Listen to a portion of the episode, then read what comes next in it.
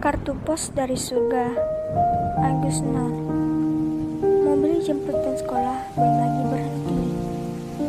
Benihnya langsung meloncat mengkabur. Hati-hati Teriak sopir. Tapi gadis kecil itu malah mempercepat larinya. Seperti capung yang lintas halaman. Ia ingin segera membuka kotak pos itu Pasti kartu pos dari mama telah tiba. Di kelas, tadi ia sudah sibuk membayang-bayangkan bergambar apakah kartu pos mama kali ini. Hingga bu guru menegurnya karena terus-terus terus-terusan melamun. Benihnya tertegun mendapatkan kotak itu kosong. Ia melongo, barangkali kartu pos itu terselip di dalamnya. Ada. Apa mama begitu sibuk lupa mengirim kartu pos? Mungkin Bi Sari sudah mengambilnya. Bening pun segera berlari berteriak, Bi, Bibi. Ia nyaris kepleset dan menabrak pintu. Bi Sari yang sedang mengem, mengepel sampai kaget melihat beningnya terengah-engah begitu. Ada apa, Non? kartu posnya diambil bibi ya. Tongkat pel yang dipegangnya nyaris terlepas dan bibi Sari merasa mulutnya langsung kaku. Ia harus menjawab apa? Bibi Sari bisa melihat mata kecil yang bening itu sekitar seketika meredup seakan sudah menebak karena ia terus diam saja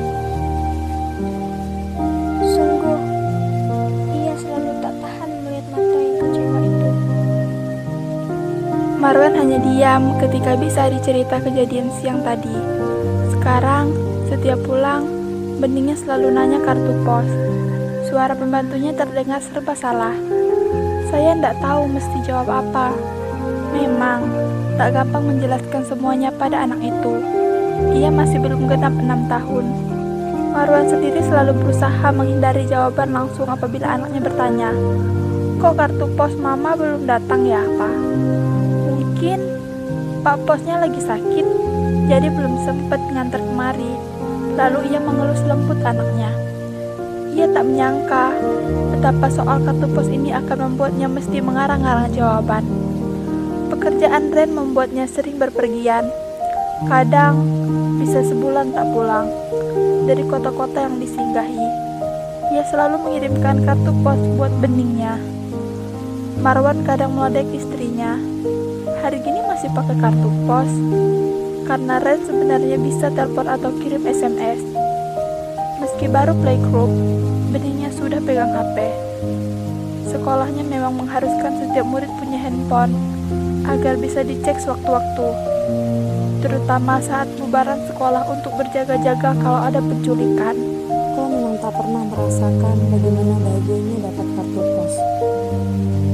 tak lagi menggoda apabila Ren sudah menjawab seperti itu.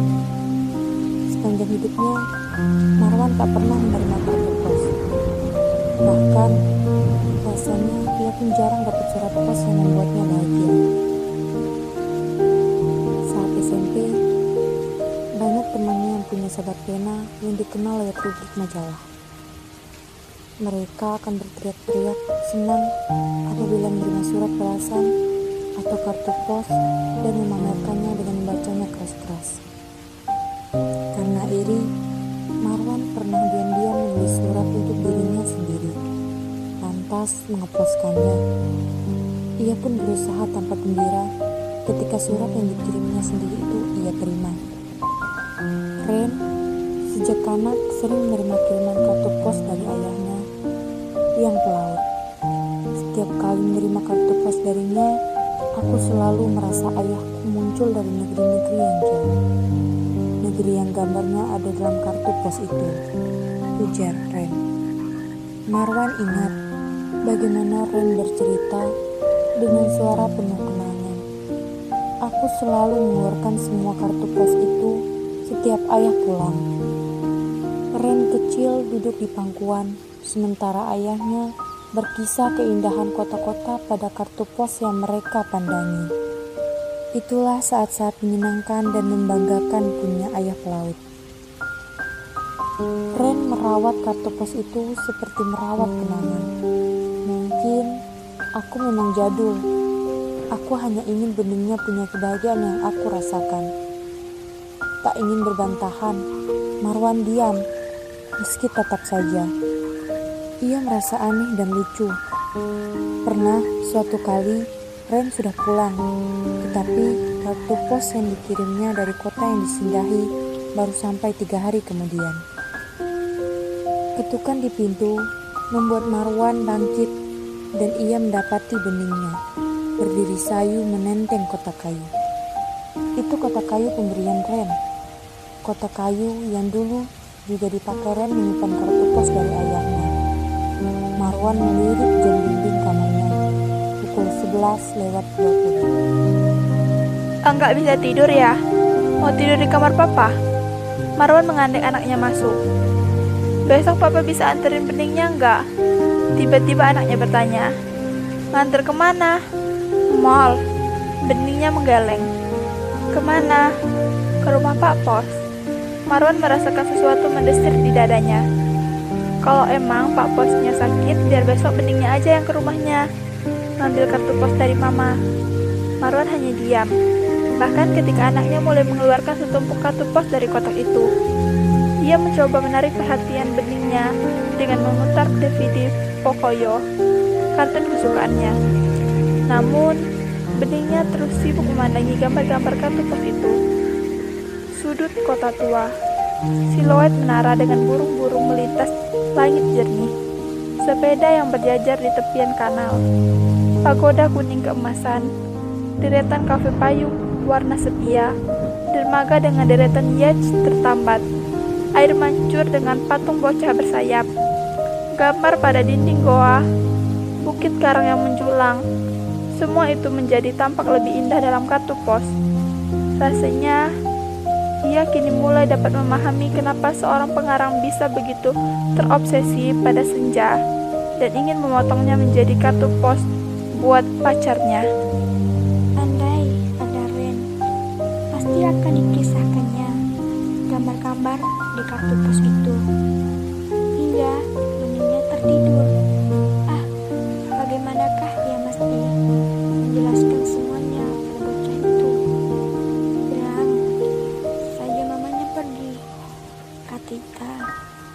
Sekantor saat Mawar makan siang bersama.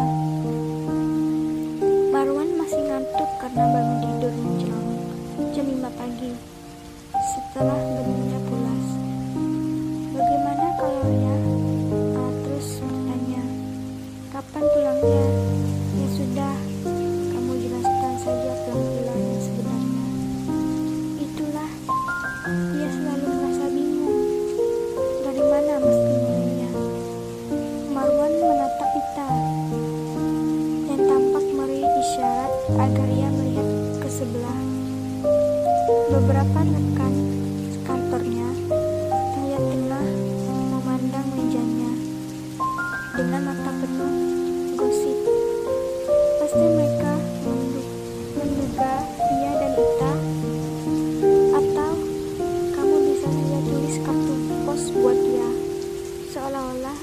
Dari Ren.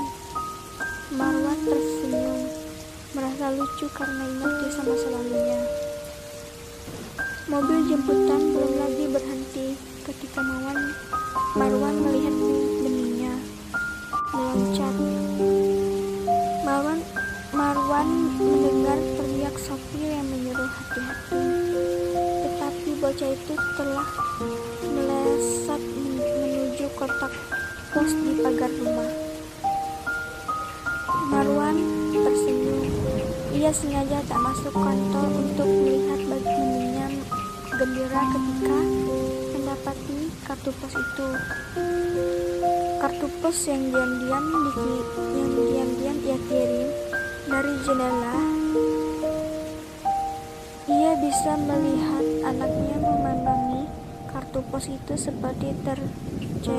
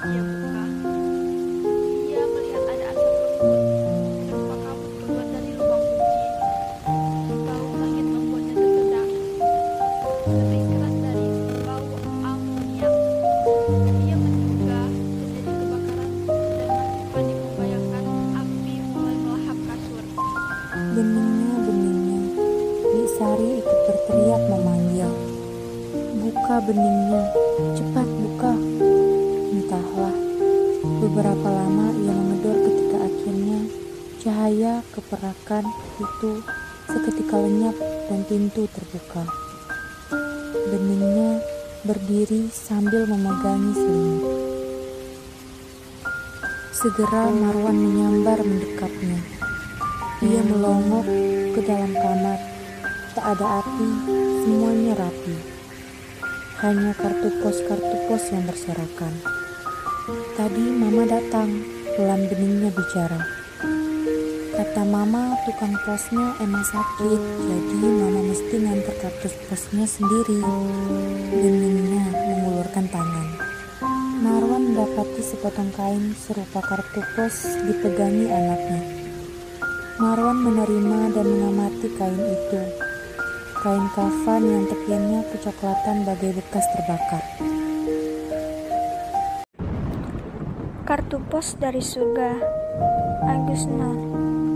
Mobil jemputan sekolah belum lagi berhenti. Beningnya langsung meloncat mengkabur. Hati-hati, teriak sopir. Tapi gadis kecil itu malah mempercepat larinya.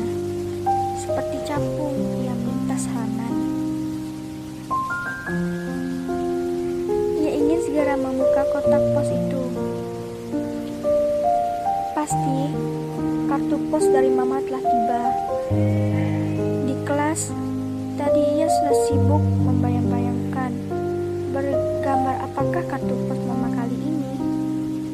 Hingga bu guru menegurnya karena terus-terus terus-terusan melamun. Beningnya tertegun mendapatkan kotak itu kosong. Ia melongo, barangkali kartu pos itu terselip di dalamnya. Tapi memang tak ada. Apa mama begitu sibuk lupa mengirim kartu pos? Mungkin Bi Sari sudah mengambilnya. Bening pun segera berlari berteriak, Bi, Bibi. Ia nyaris kepleset dan menabrak pintu. Bi Sari yang sedang mengem, mengepel sampai kaget melihat beningnya terengah-engah begitu. Ada apa non? Kartu posnya udah diambil bibi ya? Tongkat pel yang dipegangnya nyaris terlepas dan bibi Sari merasa mulutnya langsung kaku. Menjawab apa? Bibi Sari bisa melihat mata kecil yang bening itu sekitar seketika meredup, seakan sudah menebak karena Ia terus diam saja. Sungguh, ia selalu tak tahan melihat mata yang kecewa itu. Marwan hanya diam ketika bisa dicerita kejadian siang tadi. Sekarang, setiap pulang, beningnya selalu nanya kartu pos. Suara pembantunya terdengar serba salah.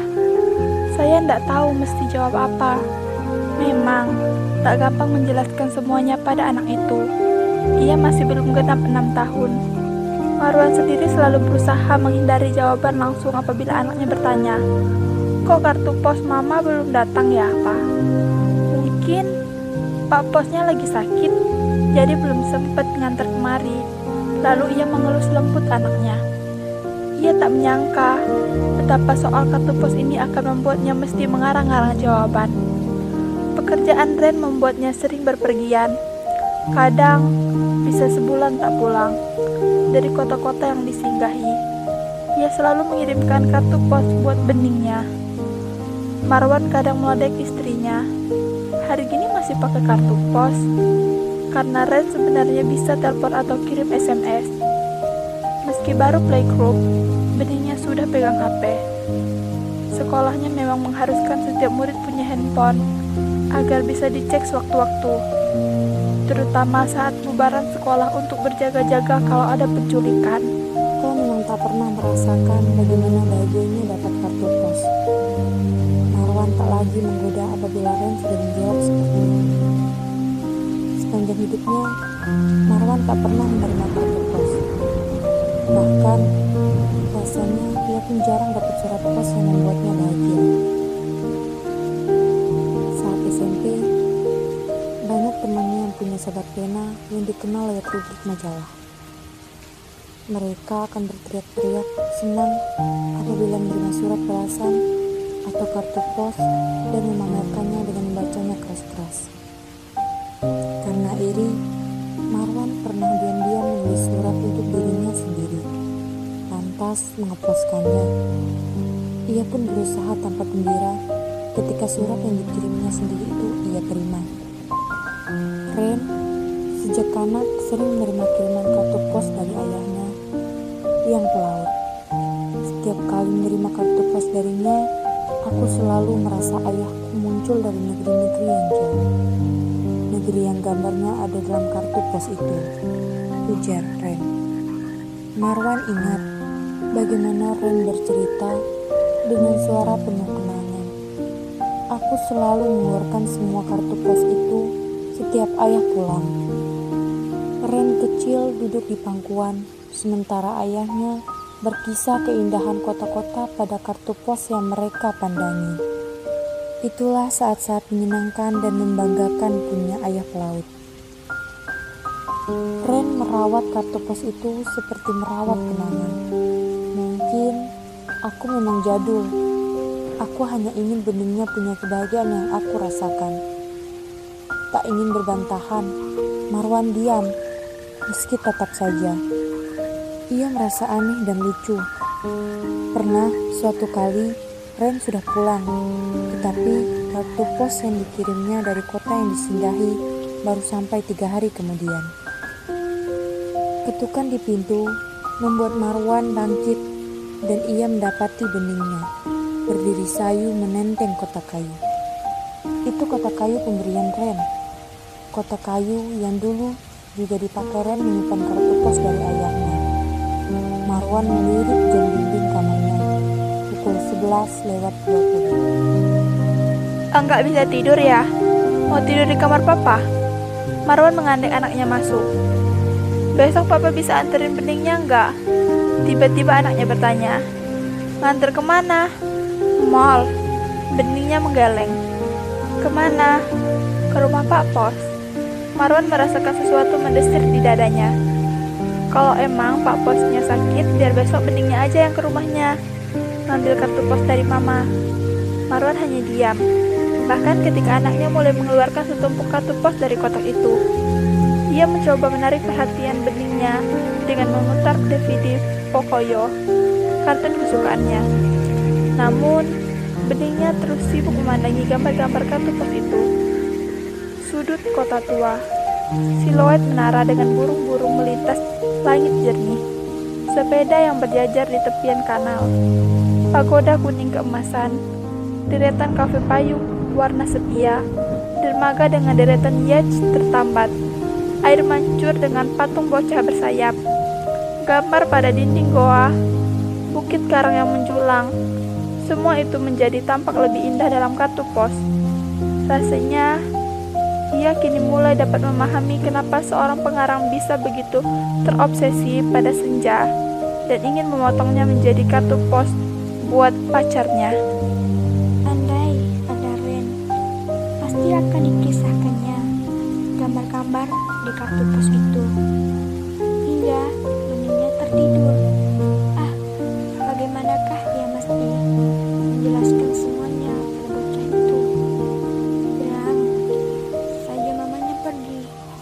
Katita, teman sekantor, saat mawar makan siang bersama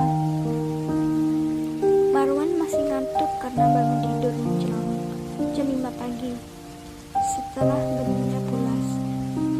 Bagaimana kalau ya? Ah, terus bertanya, kapan pulangnya?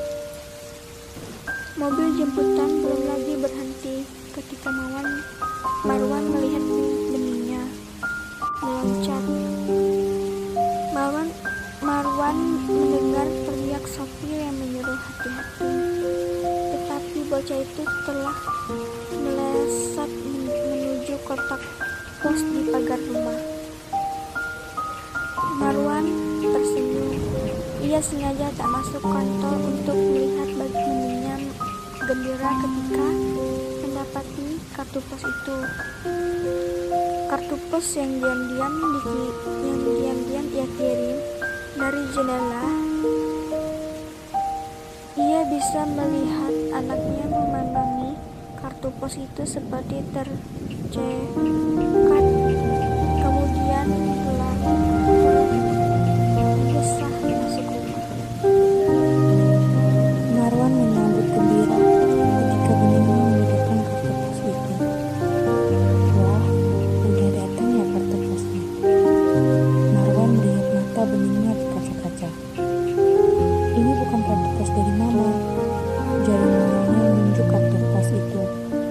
bukan tulisan mama. Marwan tak berani menatap mata anaknya ketika beningnya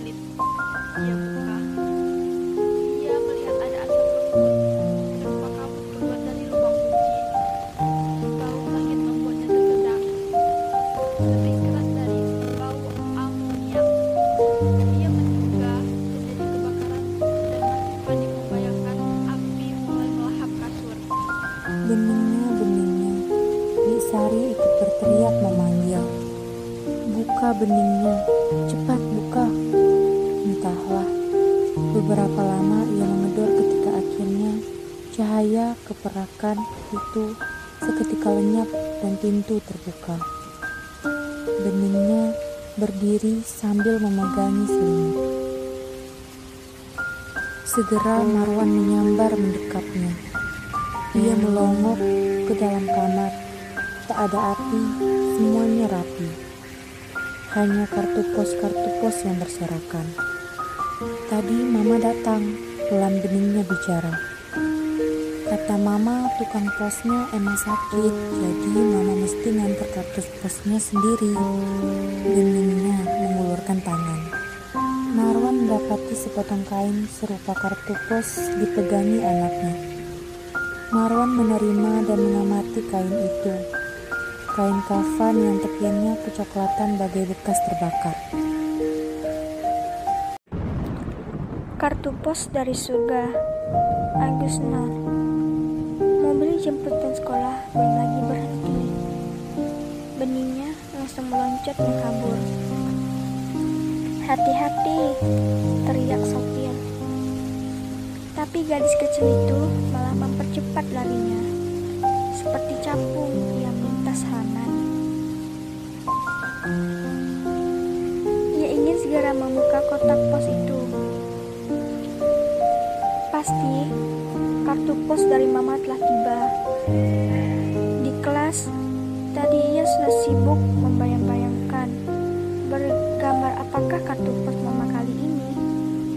Hingga bu guru menegurnya karena terus-terus terus-terusan melamun. Beningnya tertegun mendapatkan kotak itu kosong. Ia melongo, barangkali kartu pos itu terselip di dalamnya. Tapi memang tak ada. Apa mama begitu sibuk lupa mengirim kartu pos? Mungkin Bi Sari sudah mengambilnya. Bening pun segera berlari berteriak, Bi, Bibi. Ia nyaris kepleset dan menabrak pintu. Sari yang sedang mengem, mengepel sampai kaget melihat beningnya terengah-engah begitu. Ada apa non? Kartu posnya udah diambil bibi ya? Tongkat pil yang dipegangnya nyaris terlepas dan bibi Sari merasa mulutnya langsung kaku. Menjawab apa? Bibi Sari bisa melihat mata kecil yang bening itu sekitar seketika meredup. Seakan sudah menebak karena ia terus diam saja. Sungguh, ia selalu tak tahan melihat mata yang kecewa itu.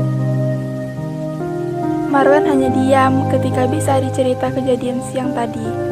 Sekarang, setiap pulang, beningnya selalu nanya kartu pos. Suara pembantunya terdengar serba salah. Saya tidak tahu mesti jawab apa. Memang, tak gampang menjelaskan semuanya pada anak itu. Ia masih belum genap enam tahun. Marwan sendiri selalu berusaha menghindari jawaban langsung apabila anaknya bertanya, Kok kartu pos mama belum datang ya, Pak? Mungkin Pak Posnya lagi sakit, jadi belum sempat ngantar kemari. Lalu ia mengelus lembut anaknya. Ia tak menyangka betapa soal kartu pos ini akan membuatnya mesti mengarang-arang jawaban. Pekerjaan Ren membuatnya sering berpergian. Kadang bisa sebulan tak pulang dari kota-kota yang disinggahi. Ia selalu mengirimkan kartu pos buat beningnya. Marwan kadang melodek istrinya. Hari gini masih pakai kartu pos. Karena Ren sebenarnya bisa telepon atau kirim SMS. Meski baru playgroup, benihnya sudah pegang HP. Sekolahnya memang mengharuskan setiap murid punya handphone agar bisa dicek sewaktu-waktu, terutama saat bubaran sekolah untuk berjaga-jaga kalau ada penculikan. Kau memang tak pernah merasakan bagaimana bahagianya dapat kartu pos. Marwan tak lagi menggoda apabila Ren sudah menjawab seperti itu. Sepanjang hidupnya, Marwan tak pernah menerima kartu pos. Bahkan, rasanya ia pun jarang dapat surat pos yang membuatnya bahagia. Saat SMP, banyak temannya yang punya sahabat pena yang dikenal lewat rubrik majalah. Mereka akan berteriak-teriak senang apabila menerima surat balasan atau kartu pos dan memamerkannya dengan membacanya keras-keras. Karena iri, Marwan pernah diam-diam menulis surat untuk dirinya sendiri, lantas mengeposkannya. Ia pun berusaha tanpa gembira ketika surat yang dikirimnya sendiri itu ia terima. Ren sejak anak sering menerima kiriman kartu pos dari ayahnya yang pelaut. Setiap kali menerima kartu pos darinya, aku selalu merasa ayahku muncul dari negeri-negeri yang jauh. Negeri yang gambarnya ada dalam kartu pos itu. Ujar Ren. Marwan ingat bagaimana Ren bercerita dengan suara penuh kenangan. Aku selalu mengeluarkan semua kartu pos itu setiap ayah pulang. Ren kecil duduk di pangkuan, sementara ayahnya berkisah keindahan kota-kota pada kartu pos yang mereka pandangi. Itulah saat-saat menyenangkan dan membanggakan punya ayah pelaut. Ren merawat kartu pos itu seperti merawat kenangan. Mungkin aku memang jadul. Aku hanya ingin beningnya punya kebahagiaan yang aku rasakan. Tak ingin berbantahan, Marwan diam, meski tetap saja. Ia merasa aneh dan lucu. Pernah suatu kali Ren sudah pulang, tetapi kartu pos yang dikirimnya dari kota yang disinggahi baru sampai tiga hari kemudian. Ketukan di pintu membuat Marwan bangkit dan ia mendapati beningnya berdiri sayu menenteng kotak kayu. Itu kotak kayu pemberian Ren. Kotak kayu yang dulu juga dipakai Ren menyimpan kartu pos dari ayahnya. Marwan melirik jam dinding kamarnya pukul 11 lewat 20. Enggak bisa tidur ya? Mau tidur di kamar papa? Marwan mengandek anaknya masuk. Besok papa bisa anterin beningnya enggak? Tiba-tiba anaknya bertanya. Nganter ke mana? Mall. Beningnya menggeleng. Ke mana? Ke rumah Pak Pos. Marwan merasakan sesuatu mendesir di dadanya. Kalau emang Pak Posnya sakit, biar besok beningnya aja yang ke rumahnya. Ngambil kartu pos dari mama. Marwan hanya diam.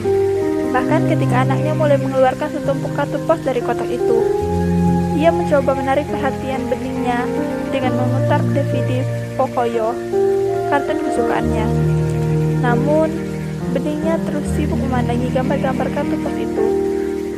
Sudut kota tua, siluet menara dengan burung-burung melintas langit jernih, sepeda yang berjajar di tepian kanal, pagoda kuning keemasan, deretan kafe payung warna sepia, dermaga dengan deretan yacht tertambat, air mancur dengan patung bocah bersayap, gambar pada dinding goa, bukit karang yang menjulang, semua itu menjadi tampak lebih indah dalam kartu pos.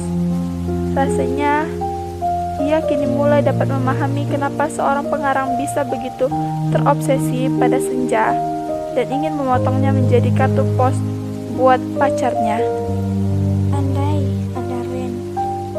Akan dikisahkannya gambar-gambar di kartu pos itu. Hingga beningnya tertidur. Ah, bagaimanakah dia mesti menjelaskan semuanya pada bocah itu? Bilang saja mamanya pergi. Katika teman sekantor saat Mawar makan siang bersama Marwan masih ngantuk karena bangun tidur menjelang jam 5 pagi setelah benihnya pulas. Bagaimana kalau ya? Uh, terus bertanya, kapan pulangnya?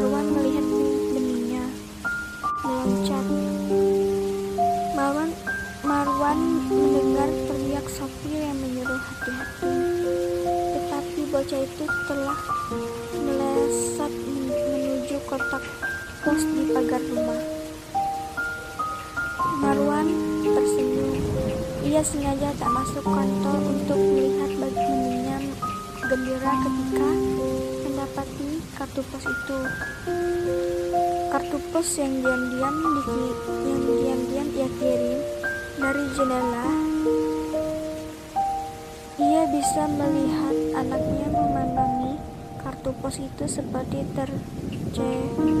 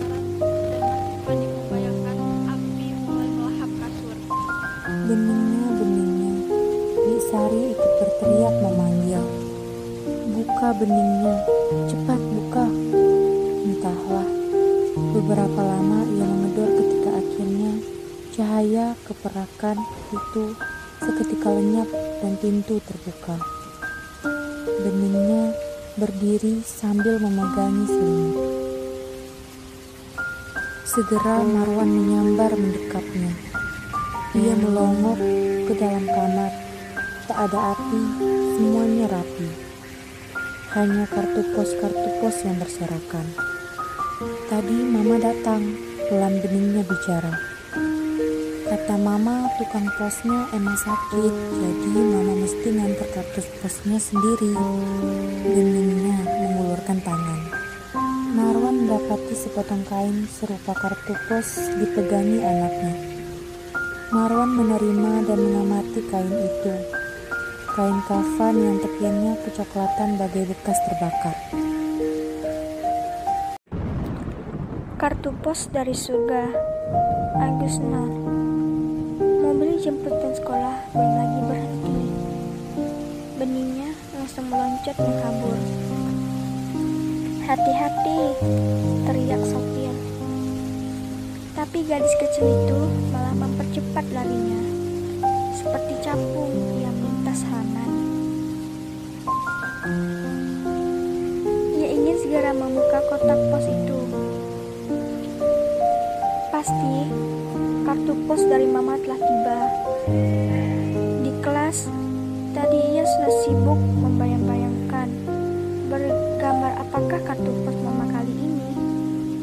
Hingga bu guru menegurnya karena terus-terusan melamun. Beningnya tertegun mendapatkan kotak itu kosong.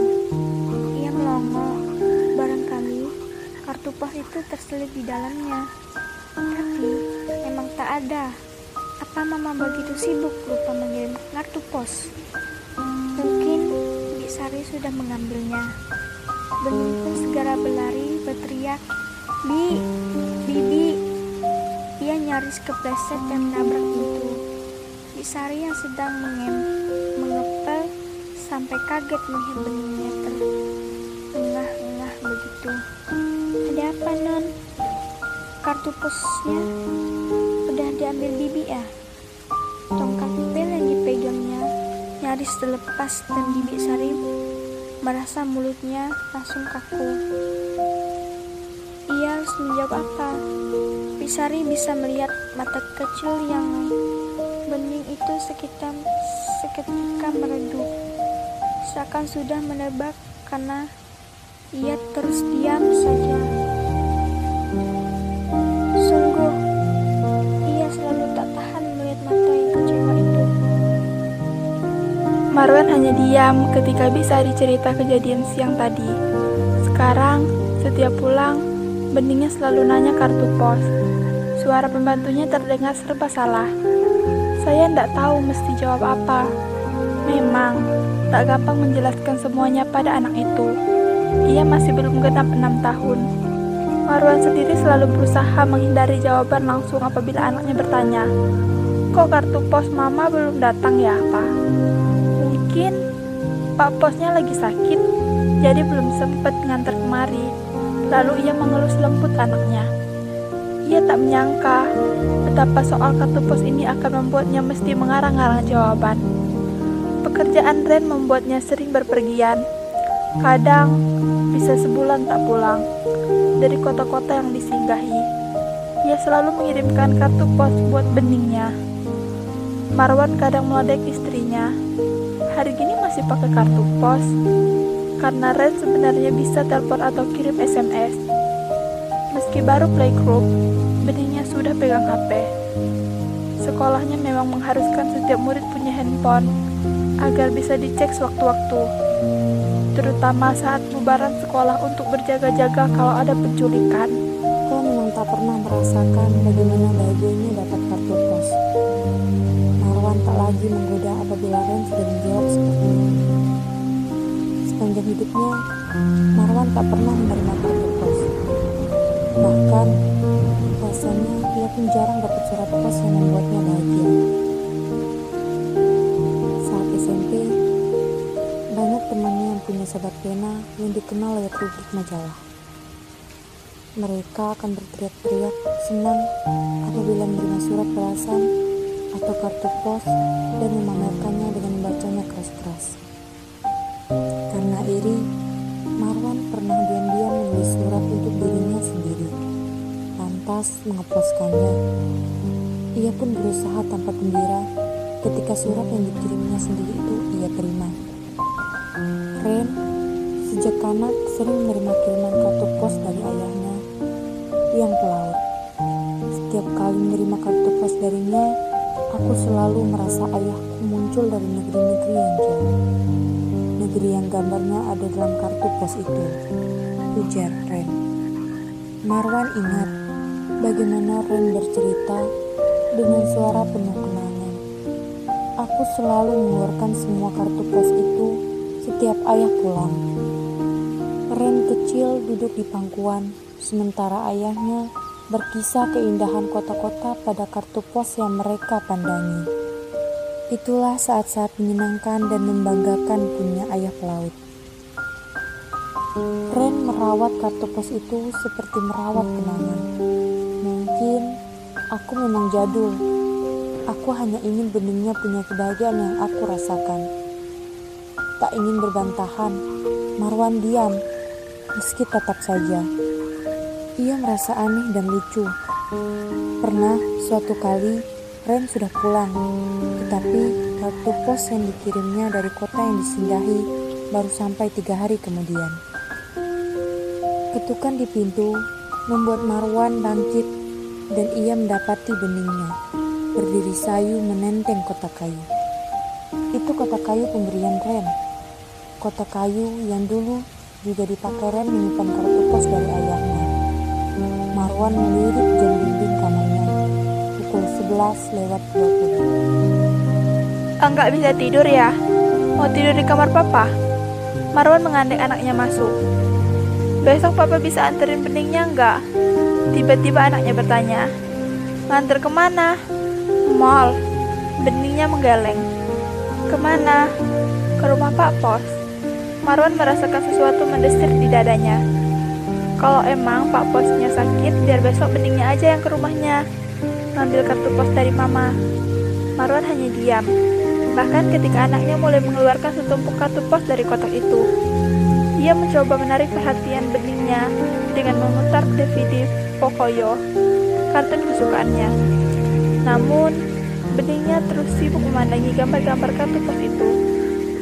Sudut kota tua, siluet menara dengan burung-burung melintas langit jernih, sepeda yang berjajar di tepian kanal, pagoda kuning keemasan, deretan kafe payung warna sepia, dermaga dengan deretan yacht tertambat, air mancur dengan patung bocah bersayap, gambar pada dinding goa, bukit karang yang menjulang, semua itu menjadi tampak lebih indah dalam kartu pos. Rasanya ia kini mulai dapat memahami kenapa seorang pengarang bisa begitu terobsesi pada senja dan ingin memotongnya menjadi kartu pos buat pacarnya. Andai ada Ren, pasti akan dikisahkannya gambar-gambar di kartu pos itu. Hingga beningnya tertidur. Ah, bagaimanakah ia mesti menjelaskan semuanya pada bocah itu? Bilang saja mamanya pergi. Katika teman sekantor saat Mawar makan siang bersama Marwan masih ngantuk karena bangun tidur menjelang jam 5 pagi setelah beningnya pulas. Bagaimana kalau ya? Ah, terus bertanya, kapan pulangnya?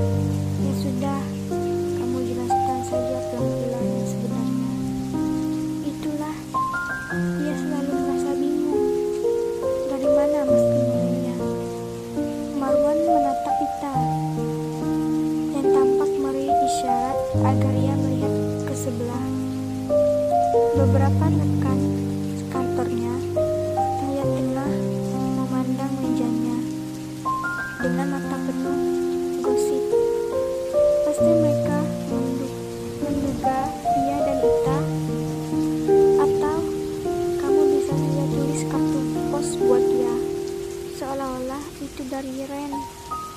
Marwan tersenyum, merasa lucu karena ingat kisah masa lalunya. Mobil jemputan belum lagi berhenti ketika Marwan, Marwan melihat beningnya meloncat. Marwan, Marwan mendengar teriak sopir yang menyuruh hati-hati. Tetapi bocah itu telah melesat men- menuju kotak pos di pagar rumah. Ia sengaja tak masuk kantor untuk melihat bagaimana gembira ketika mendapati kartu pos itu. Kartu pos yang diam-diam di- yang diam-diam ia kirim dari jendela. Ia bisa melihat anaknya memandangi kartu pos itu seperti tercekat.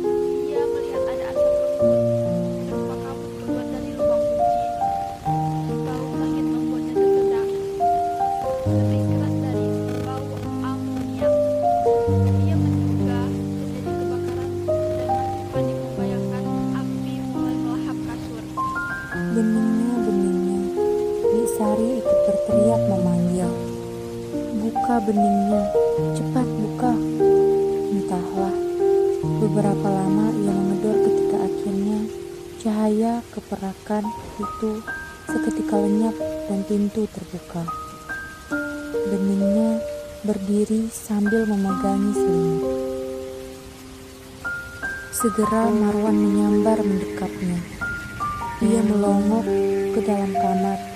Tak ada api, semuanya rapi. Hanya kartu pos-kartu pos yang berserakan. Tadi mama datang, pelan beningnya bicara. Kata mama, tukang posnya emang sakit, jadi mama mesti nganter kartu posnya sendiri. Beningnya mengulurkan tangan. Marwan mendapati sepotong kain serupa kartu pos dipegangi anaknya. Marwan menerima dan mengamati kain itu. Kain kafan yang tepiannya kecoklatan bagai bekas terbakar. Kartu pos dari surga. Agusna. Jemputan sekolah belum lagi berhenti. Beningnya langsung meloncat mengkabur.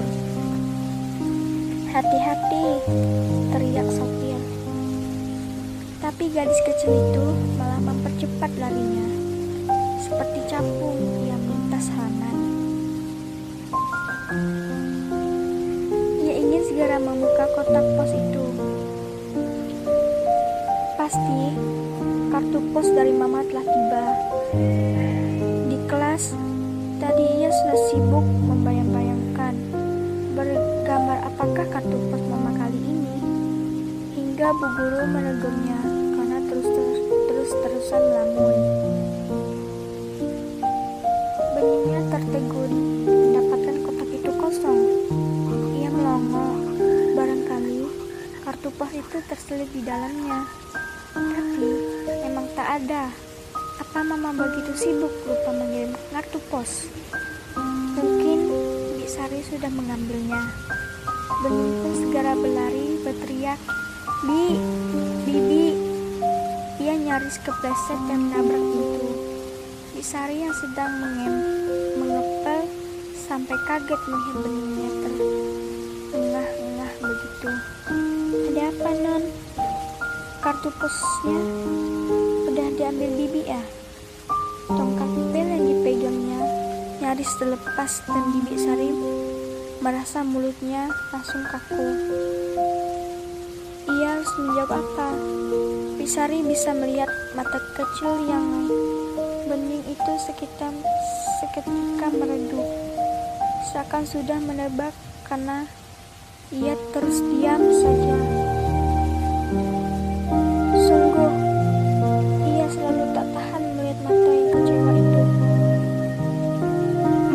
Diam ketika bisa dicerita kejadian siang tadi. Sekarang, setiap pulang, beningnya selalu nanya kartu pos. Suara pembantunya terdengar serba salah. Saya tidak tahu mesti jawab apa. Memang, tak gampang menjelaskan semuanya pada anak itu. Ia masih belum genap enam tahun. Marwan sendiri selalu berusaha menghindari jawaban langsung apabila anaknya bertanya, Kok kartu pos mama belum datang ya, Pak? Pak Posnya lagi sakit, jadi belum sempat ngantar kemari. Lalu ia mengelus lembut anaknya. Ia tak menyangka betapa soal kartu pos ini akan membuatnya mesti mengarang-arang jawaban. Pekerjaan Ren membuatnya sering berpergian. Kadang bisa sebulan tak pulang dari kota-kota yang disinggahi. Ia selalu mengirimkan kartu pos buat beningnya. Marwan kadang meledek istrinya. Hari gini masih pakai kartu pos karena Ren sebenarnya bisa telepon atau kirim SMS. Meski baru playgroup, beningnya sudah pegang HP.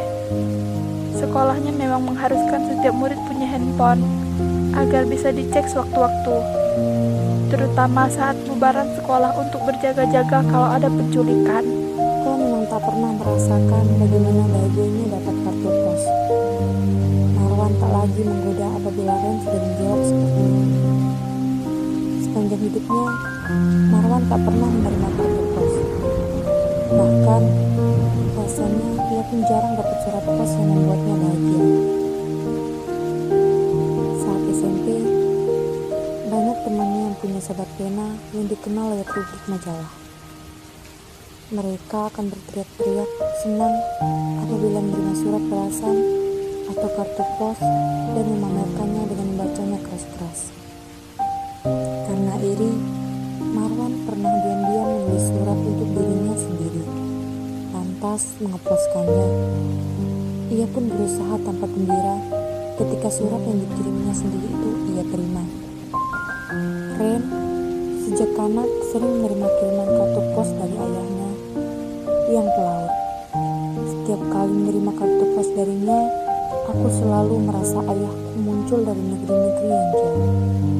Negeri yang gambarnya ada dalam kartu pos itu. Ujar Ren. Marwan ingat bagaimana Ren bercerita dengan suara penuh kenangan. Aku selalu mengeluarkan semua kartu pos itu setiap ayah pulang. Ren kecil duduk di pangkuan, sementara ayahnya berkisah keindahan kota-kota pada kartu pos yang mereka pandangi. Itulah saat-saat menyenangkan dan membanggakan punya ayah pelaut. Ren merawat kartu pos itu seperti merawat kenangan. Mungkin aku memang jadul. Aku hanya ingin beningnya punya kebahagiaan yang aku rasakan. Tak ingin berbantahan, Marwan diam, meski tetap saja. Ia merasa aneh dan lucu. Pernah suatu kali Ren sudah pulang, tetapi kartu pos yang dikirimnya dari kota yang disinggahi baru sampai tiga hari kemudian. Ketukan di pintu membuat Marwan bangkit dan ia mendapati beningnya berdiri sayu menenteng kotak kayu. Itu kotak kayu pemberian Ren. Kotak kayu yang dulu juga dipakai Ren menyimpan kartu pos dari ayahnya. Marwan melirik jam dinding kamarnya pukul 11 lewat 20. Enggak bisa tidur ya? Mau tidur di kamar papa? Marwan mengandek anaknya masuk. Besok papa bisa anterin beningnya enggak? Tiba-tiba anaknya bertanya. Nganter ke mana? Mall. Beningnya menggeleng. Ke mana? Ke rumah Pak Pos. Marwan merasakan sesuatu mendesir di dadanya. Kalau emang Pak Posnya sakit, biar besok beningnya aja yang ke rumahnya. Ngambil kartu pos dari Mama. Marwan hanya diam. Bahkan ketika anaknya mulai mengeluarkan setumpuk kartu pos dari kotak itu. Ia mencoba menarik perhatian beningnya dengan memutar DVD Pocoyo, kartun kesukaannya. Namun, beningnya terus sibuk memandangi gambar-gambar kartu pos itu. Sudut kota tua, siluet menara dengan burung-burung melintas langit jernih, sepeda yang berjajar di tepian kanal, pagoda kuning keemasan, deretan kafe payung warna sepia, dermaga dengan deretan yacht tertambat, air mancur dengan patung bocah bersayap, gambar pada dinding goa, bukit karang yang menjulang, semua itu menjadi tampak lebih indah dalam kartu pos.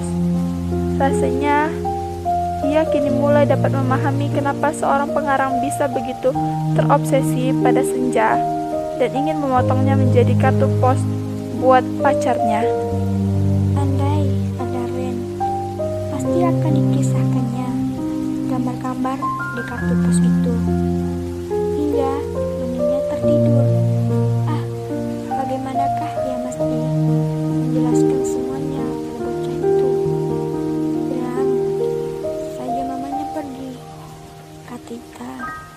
sekantor saat Mawar makan siang bersama Marwan masih ngantuk karena bangun tidur menjelang jam 5 pagi setelah beningnya pulas. Bagaimana kalau ya? Ah, terus bertanya, kapan pulangnya?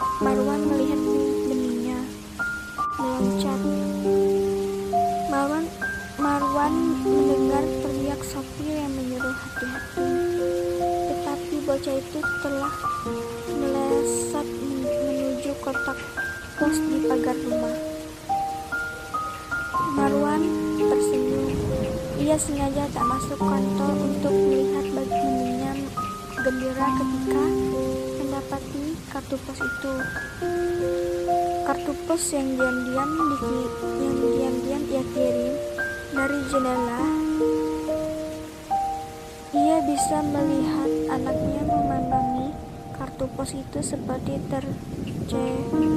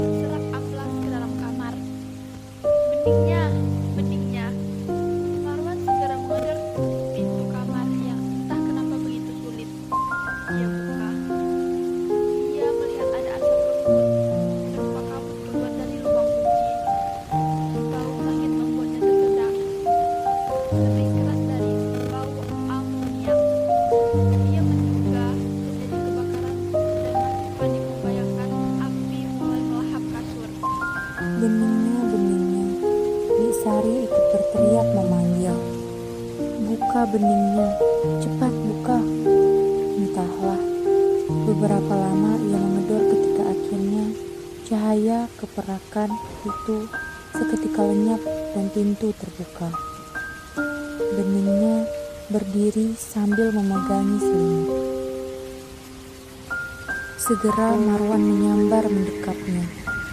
Ia melongok ke dalam kamar. Tak ada api, semuanya rapi. Hanya kartu pos-kartu pos yang berserakan. Tadi mama datang, pelan beningnya bicara. Kata mama, tukang posnya emang sakit, jadi mama mesti nganter kartu posnya sendiri. Beningnya sepotong kain serupa kartu pos dipegangi anaknya. Marwan menerima dan mengamati kain itu. Kain kafan yang tepiannya kecoklatan bagai bekas terbakar. Kartu pos dari surga. Agus Nur. Mobil jemputan sekolah belum lagi berhenti. Beningnya langsung meloncat mengkabur. Hati-hati, teriak sopir. Tapi gadis kecil itu malah mempercepat larinya. Seperti capung yang melintas halaman. Ia ingin segera membuka kotak pos itu. Pasti kartu pos dari mama telah tiba. Di kelas, tadi ia sudah sibuk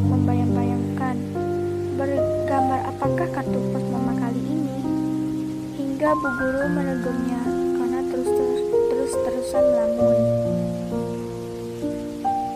Beningnya tertegun mendapatkan kotak itu kosong. Ia melongo, barangkali kartu pos itu terselip di dalamnya. Tapi memang tak ada. Apa mama begitu sibuk lupa mengirim kartu pos? Mungkin Sari sudah mengambilnya. Bening pun segera berlari berteriak, Bi, Bibi.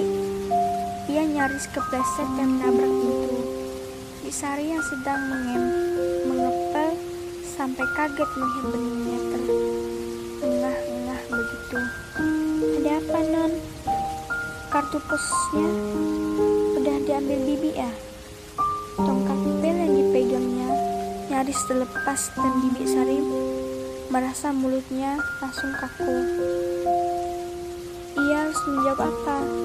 Bibi Sari bisa melihat mata kecil yang bening itu sekitar seketika meredup, seakan sudah menebak karena ia terus diam saja. Sungguh, ia selalu tak tahan melihat mata yang kecewa itu. Marwan hanya diam ketika bisa dicerita kejadian siang tadi. Sekarang, setiap pulang, beningnya selalu nanya kartu pos. Suara pembantunya terdengar serba salah. Saya tidak tahu mesti jawab apa. Memang, tak gampang menjelaskan semuanya pada anak itu. Ia masih belum genap enam tahun. Marwan sendiri selalu berusaha menghindari jawaban langsung apabila anaknya bertanya, Kok kartu pos mama belum datang ya, Pak? Mungkin Pak Posnya lagi sakit, jadi belum sempat ngantar kemari. Lalu ia mengelus lembut anaknya. Ia tak menyangka betapa soal kartu pos ini akan membuatnya mesti mengarang-arang jawaban. Pekerjaan Ren membuatnya sering berpergian. Kadang bisa sebulan tak pulang dari kota-kota yang disinggahi. Ia selalu mengirimkan kartu pos buat beningnya. Marwan kadang meledek istrinya. Hari gini masih pakai kartu pos. Karena Ren sebenarnya bisa telepon atau kirim SMS. Meski baru playgroup, benihnya sudah pegang HP. Sekolahnya memang mengharuskan setiap murid punya handphone agar bisa dicek sewaktu-waktu, terutama saat bubaran sekolah untuk berjaga-jaga kalau ada penculikan. Kau memang tak pernah merasakan bagaimana bahagianya dapat kartu pos. Marwan tak lagi menggoda apabila Ren sudah menjawab seperti itu. Sepanjang hidupnya, Marwan tak pernah menerima kartu pos. Bahkan, rasanya ia pun jarang dapat surat pos yang membuatnya bahagia. Saat SMP, banyak temannya yang punya sahabat pena yang dikenal lewat rubrik majalah. Mereka akan berteriak-teriak senang apabila menerima surat balasan atau kartu pos dan memamerkannya dengan membacanya keras-keras. Karena iri, Marwan pernah diam-diam menulis surat untuk dirinya sendiri, lantas mengeposkannya. Ia pun berusaha tanpa gembira ketika surat yang dikirimnya sendiri itu ia terima. Ren, sejak anak sering menerima kiriman kartu pos dari ayahnya yang pelaut. Setiap kali menerima kartu pos darinya, aku selalu merasa ayahku muncul dari negeri-negeri yang jauh. Negeri yang gambarnya ada dalam kartu pos itu. Ujar Ren. Marwan ingat bagaimana Ren bercerita dengan suara penuh kenangan. Aku selalu mengeluarkan semua kartu pos itu setiap ayah pulang. Ren kecil duduk di pangkuan, sementara ayahnya berkisah keindahan kota-kota pada kartu pos yang mereka pandangi. Itulah saat-saat menyenangkan dan membanggakan punya ayah pelaut. Ren merawat kartu pos itu seperti merawat kenangan. Mungkin aku memang jadul. Aku hanya ingin beningnya punya kebahagiaan yang aku rasakan. Tak ingin berbantahan, Marwan diam, meski tetap saja. Ia merasa aneh dan lucu. Pernah suatu kali Ren sudah pulang, tetapi kartu pos yang dikirimnya dari kota yang disinggahi baru sampai tiga hari kemudian. Ketukan di pintu membuat Marwan bangkit dan ia mendapati beningnya berdiri sayu menenteng kotak kayu. Itu kotak kayu pemberian Ren. Kotak kayu yang dulu juga dipakai Ren menyimpan kartu pos dari ayahnya. Marwan melirik jam lewat 20. Enggak bisa tidur ya? Mau tidur di kamar papa? Marwan mengandek anaknya masuk. Besok papa bisa anterin beningnya enggak? Tiba-tiba anaknya bertanya. Nganter ke mana? Mall. Beningnya menggeleng. Ke mana? Ke rumah Pak Pos. Marwan merasakan sesuatu mendesir di dadanya. Kalau emang Pak Posnya sakit, biar besok beningnya aja yang ke rumahnya. Ngambil kartu pos dari mama. Marwan hanya diam. Bahkan ketika anaknya mulai mengeluarkan setumpuk kartu pos dari kotak itu. Ia mencoba menarik perhatian beningnya dengan memutar DVD Pocoyo, kartun kesukaannya. Namun, beningnya terus sibuk memandangi gambar-gambar kartu pos itu. Sudut kota tua, siluet menara dengan burung-burung melintas langit jernih, sepeda yang berjajar di tepian kanal, pagoda kuning keemasan, deretan kafe payung warna sepia, dermaga dengan deretan yacht tertambat, air mancur dengan patung bocah bersayap, gambar pada dinding goa, bukit karang yang menjulang, semua itu menjadi tampak lebih indah dalam kartu pos. Rasanya, ia kini mulai dapat memahami kenapa seorang pengarang bisa begitu terobsesi pada senja dan ingin memotongnya menjadi kartu pos buat pacarnya. Andai ada Ren, pasti akan dikisahkannya gambar-gambar di kartu pos itu.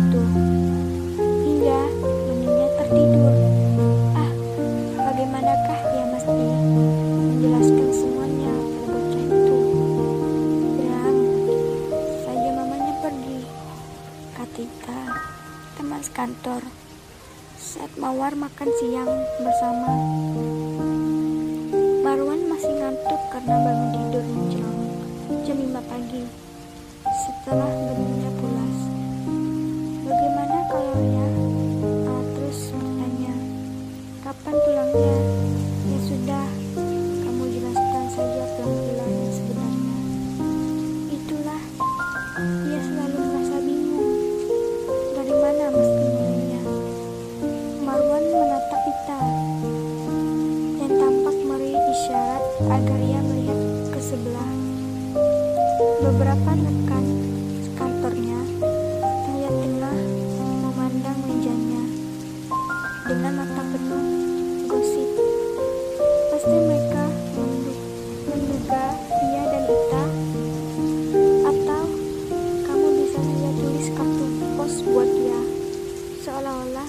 dari Ren. Marwan tersenyum, merasa lucu karena ingat kisah masa lalunya. Mobil jemputan belum lagi berhenti ketika Marwan, Marwan melihat benihnya meloncat. Marwan, Marwan mendengar teriak sopir yang menyuruh hati-hati. Tetapi bocah itu telah melesat menuju kotak pos di pagar rumah. Marwan tersenyum. Ia sengaja tak masuk kantor untuk melihat bagaimana gembira ketika mendapati kartu pos itu. Kartu pos yang diam-diam yang diam-diam ia kirim dari jendela. Ia bisa melihat anaknya memandangi kartu pos itu seperti tercekat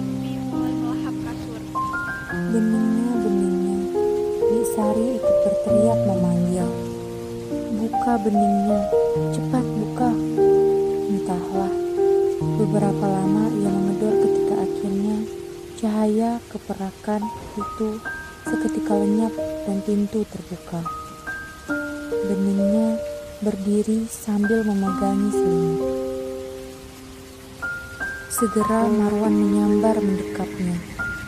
Ia melongok ke dalam kamar. Tak ada api, semuanya rapi.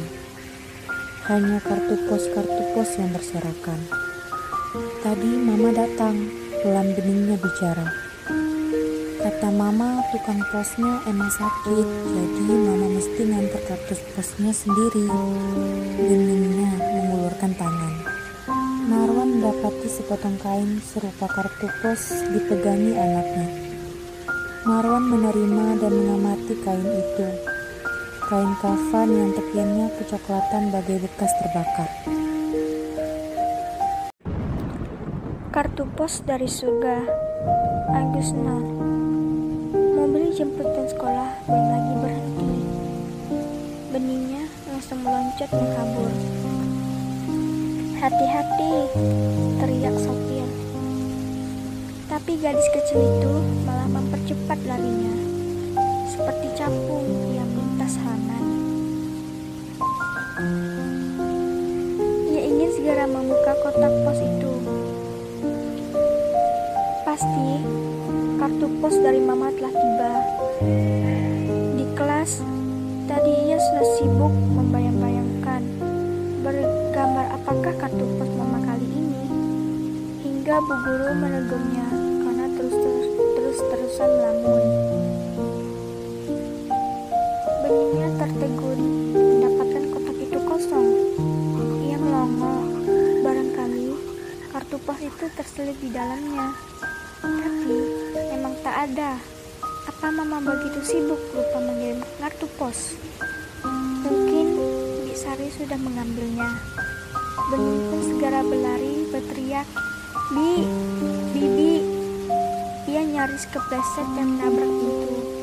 Bi Sari yang sedang mengem, mengepel sampai kaget melihat beningnya terengah-engah begitu. Ada apa, Non?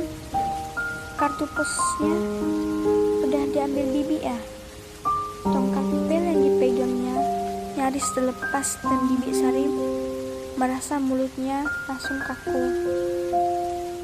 Ia harus menjawab apa? Bibi Sari bisa melihat mata kecil yang bening itu sekitar seketika meredup seakan sudah menebak karena ia terus diam saja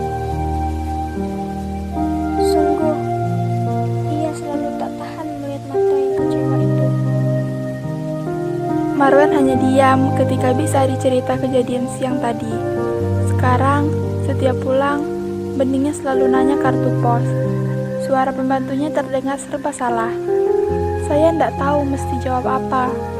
Memang, tak gampang menjelaskan semuanya pada anak itu. Ia masih belum genap enam tahun.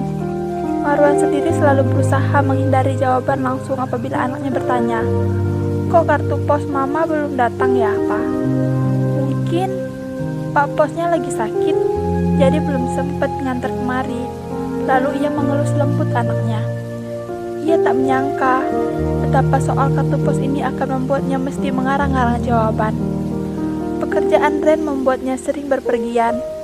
Kadang bisa sebulan tak pulang dari kota-kota yang disinggahi. Ia selalu mengirimkan kartu pos buat beningnya. Marwan kadang meledek istrinya. Hari gini masih pakai kartu pos. Karena Ren sebenarnya bisa telepon atau kirim SMS. Meski baru playgroup, beningnya sudah pegang HP. Sekolahnya memang mengharuskan setiap murid punya handphone agar bisa dicek sewaktu-waktu terutama saat bubaran sekolah untuk berjaga-jaga kalau ada penculikan. Kau memang tak pernah merasakan bagaimana bahagianya dapat kartu pos. Tak lagi menggoda apabila Ren sudah menjawab seperti itu. Sepanjang hidupnya, Marwan tak pernah menerima kartu pos. Bahkan, rasanya ia pun jarang dapat surat pos yang membuatnya bahagia. Saat SMP, banyak temannya yang punya sahabat pena yang dikenal lewat rubrik majalah. Mereka akan berteriak-teriak senang apabila menerima surat balasan atau kartu pos dan memamerkannya dengan membacanya keras-keras. Karena iri, Marwan pernah diam-diam menulis surat untuk dirinya sendiri, lantas mengeposkannya. Ia pun berusaha tanpa gembira ketika surat yang dikirimnya sendiri itu ia terima. Ren sejak kanak sering menerima kiriman kartu pos dari ayahnya yang pelaut. Setiap kali menerima kartu pos darinya, aku selalu merasa ayahku muncul dari negeri-negeri yang jauh. Negeri yang gambarnya ada dalam kartu pos itu.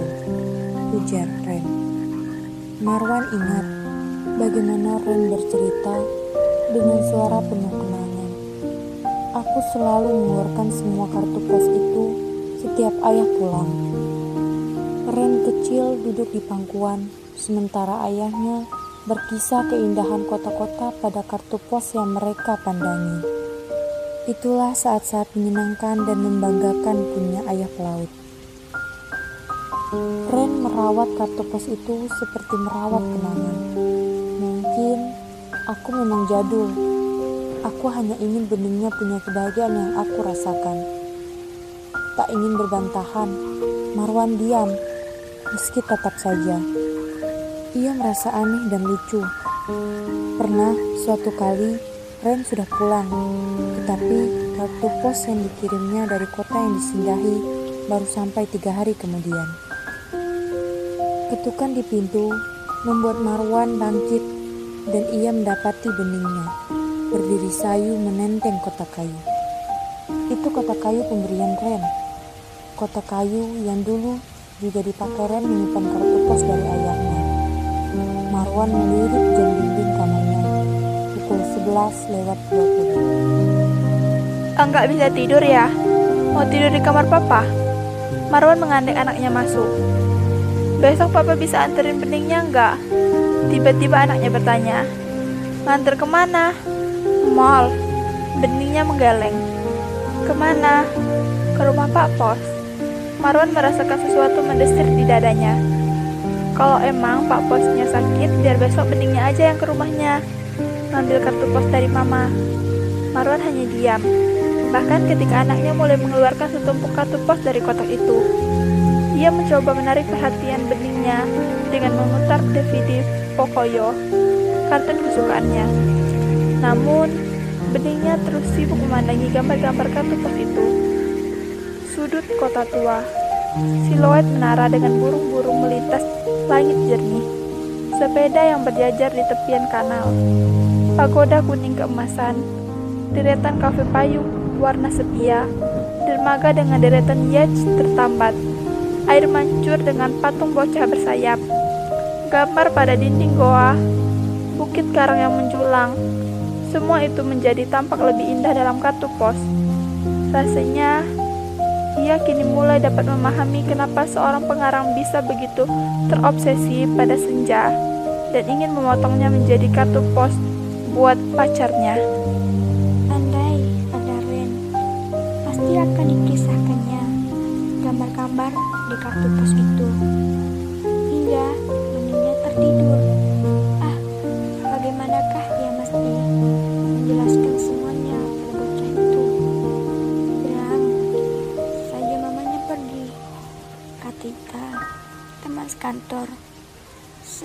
Makan siang bersama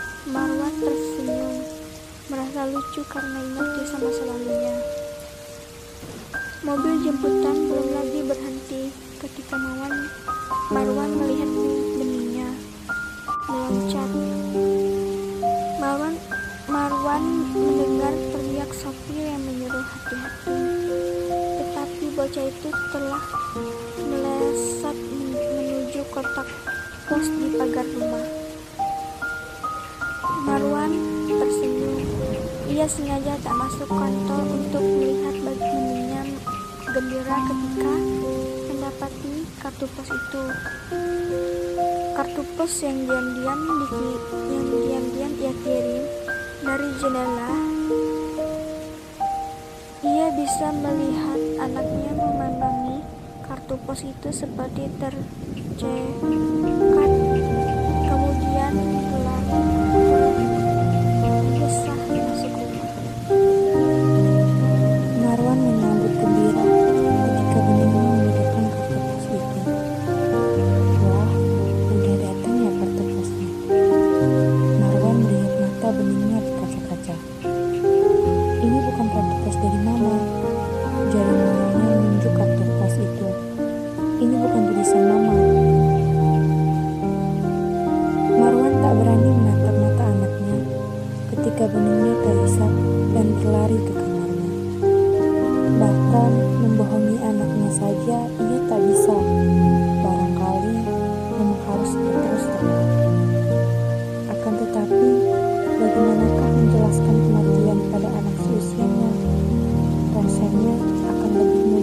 apabila jenazah Ren terbaring di rumah.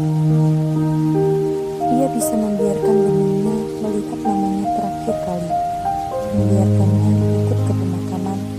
Mungkin ia akan terus terusan menangis karena merasa marahnya. Akan tetapi, rasanya jauh lebih mudah menenangkan benihnya dari tangisnya, timbang harus menjelaskan.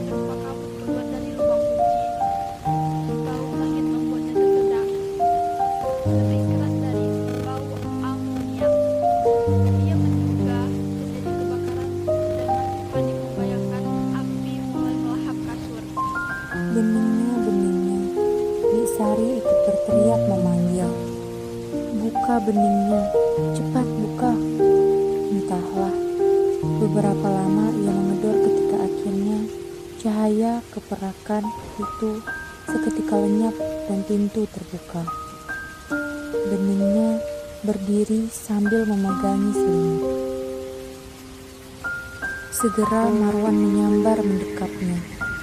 Ia melongok ke dalam kamar. Tak ada api, semuanya rapi. Hanya kartu pos-kartu pos yang berserakan. Tadi mama datang, pelan beningnya bicara. Kata mama, tukang posnya emang sakit, jadi mama mesti nganter kartu posnya sendiri. Bening sepotong kain serupa kartu pos dipegangi anaknya. Marwan menerima dan mengamati kain itu. Kain kafan yang tepiannya kecoklatan bagai bekas terbakar.